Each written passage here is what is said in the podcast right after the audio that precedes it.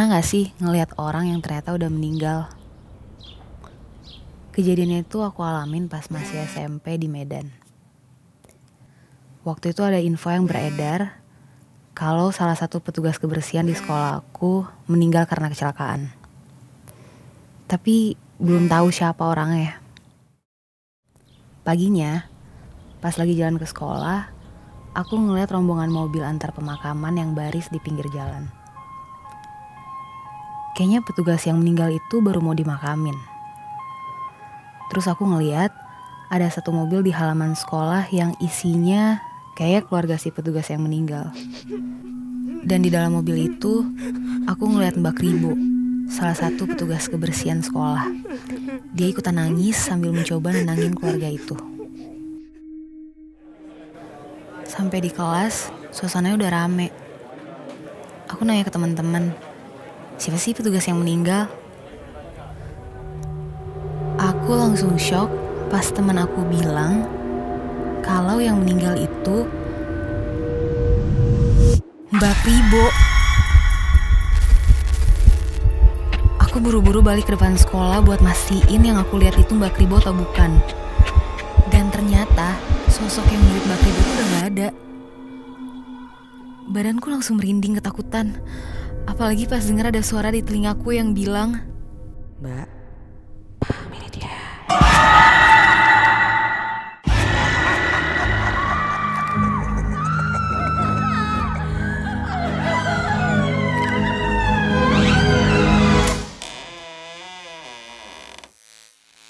Hari itu, orang tua gue pergi ke rumah saudara buat acara keluarga.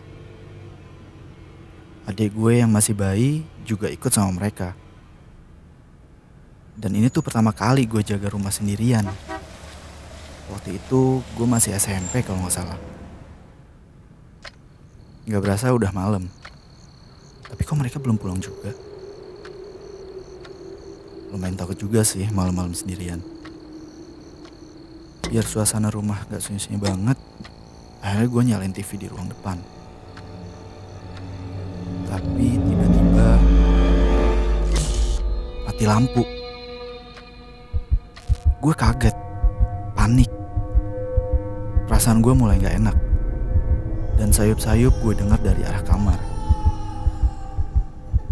Ada suara bayi lagi nangis. Gue takut, tapi penasaran. Gue jalan pelan-pelan ke arah kamar orang tua gue. Dan sampai di sana, suaranya hilang. Habis itu gue keluarin handphone dari kantong, terus gue fotoin di sekeliling kamar itu. Selesai ngambil foto, gue cek semua foto yang gue ambil tadi.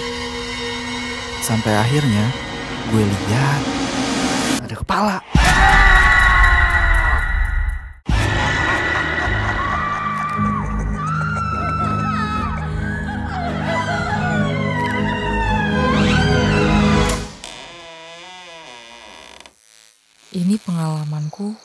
KKN di Kalimantan Timur.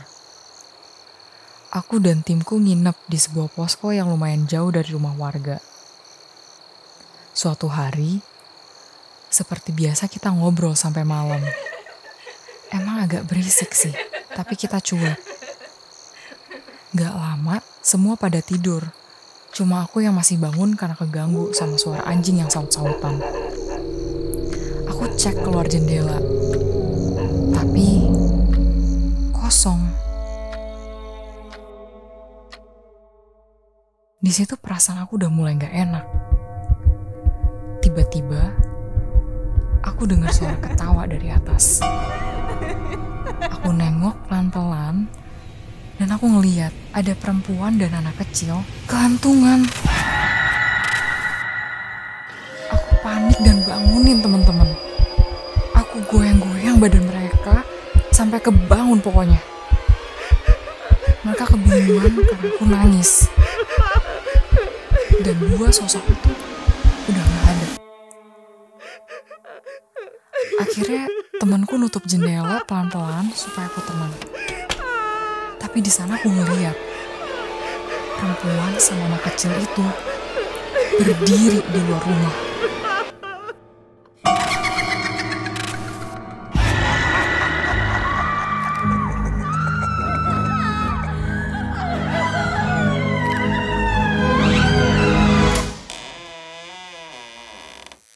Ada satu kejadian yang gue ingat pas baru pindah ke kontrakan di Bekasi.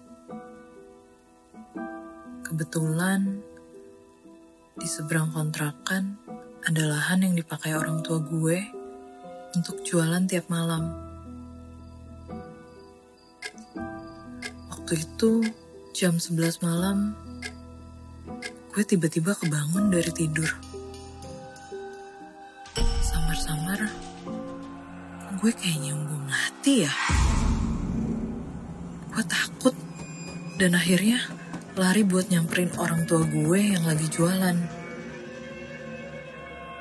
Baru buka pintu depan, kok ada yang aneh.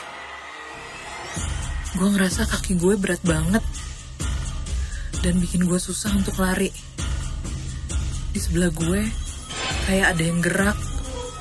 Gue nengok, dan di situ ada pohon besar yang ketutup tembok. Di dahannya ada kain putih gelantungan. Terus gue perhatiin, ternyata itu adalah kuntilanak gelantungan.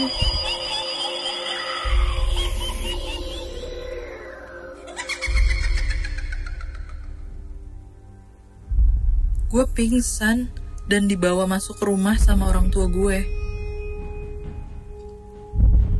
Ternyata gue baru tahu kalau di balik tembok itu ada kuburan.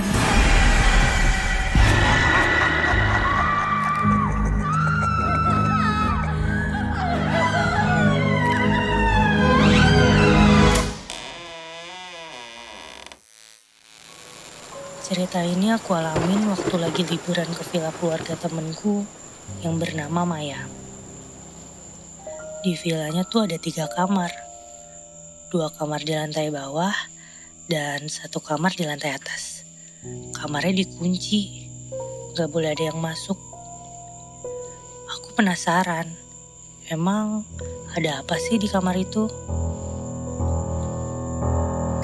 Pas tengah malam, aku terpaksa keluar kamar karena harus ke toilet.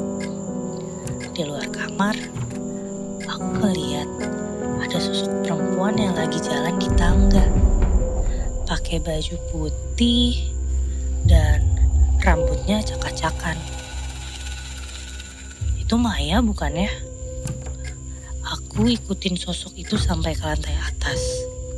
Dia masuk ke kamar yang katanya nggak boleh dimasukin. Aku coba susul dia. Pas aku coba ngebuka kamar itu, pintunya kekunci. Tiba-tiba aku dengar suara Fas jatuh dari dalam kamar. Terus ada suara perempuan nangis kesakitan. Aku kaget dan langsung merinding. Gagang pintunya tiba-tiba gerak pintunya kebuka dan aku lihat tangan yang mengerikan keluar dari sela-sela pintu. Aku teriak, lari ke kamar dan nyari-nyari Maya.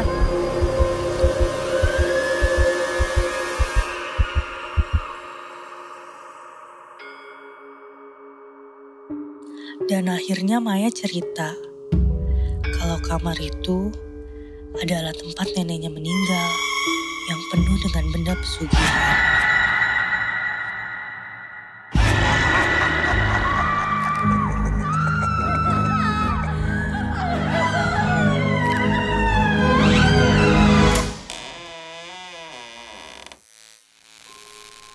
Jam 6 pagi, seperti biasa aku lagi siap-siap mau berangkat sekolah.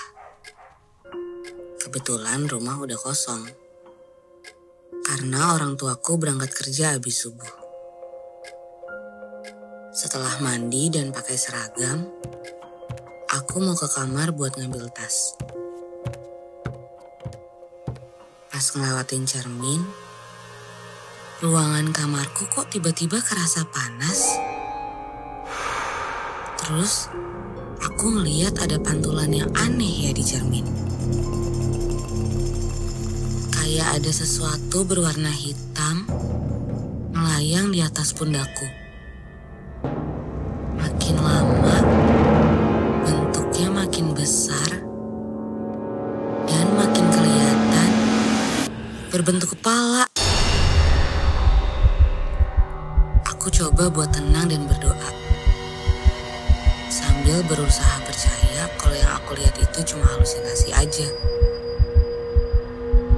Tapi yang ada aku malah makin panik.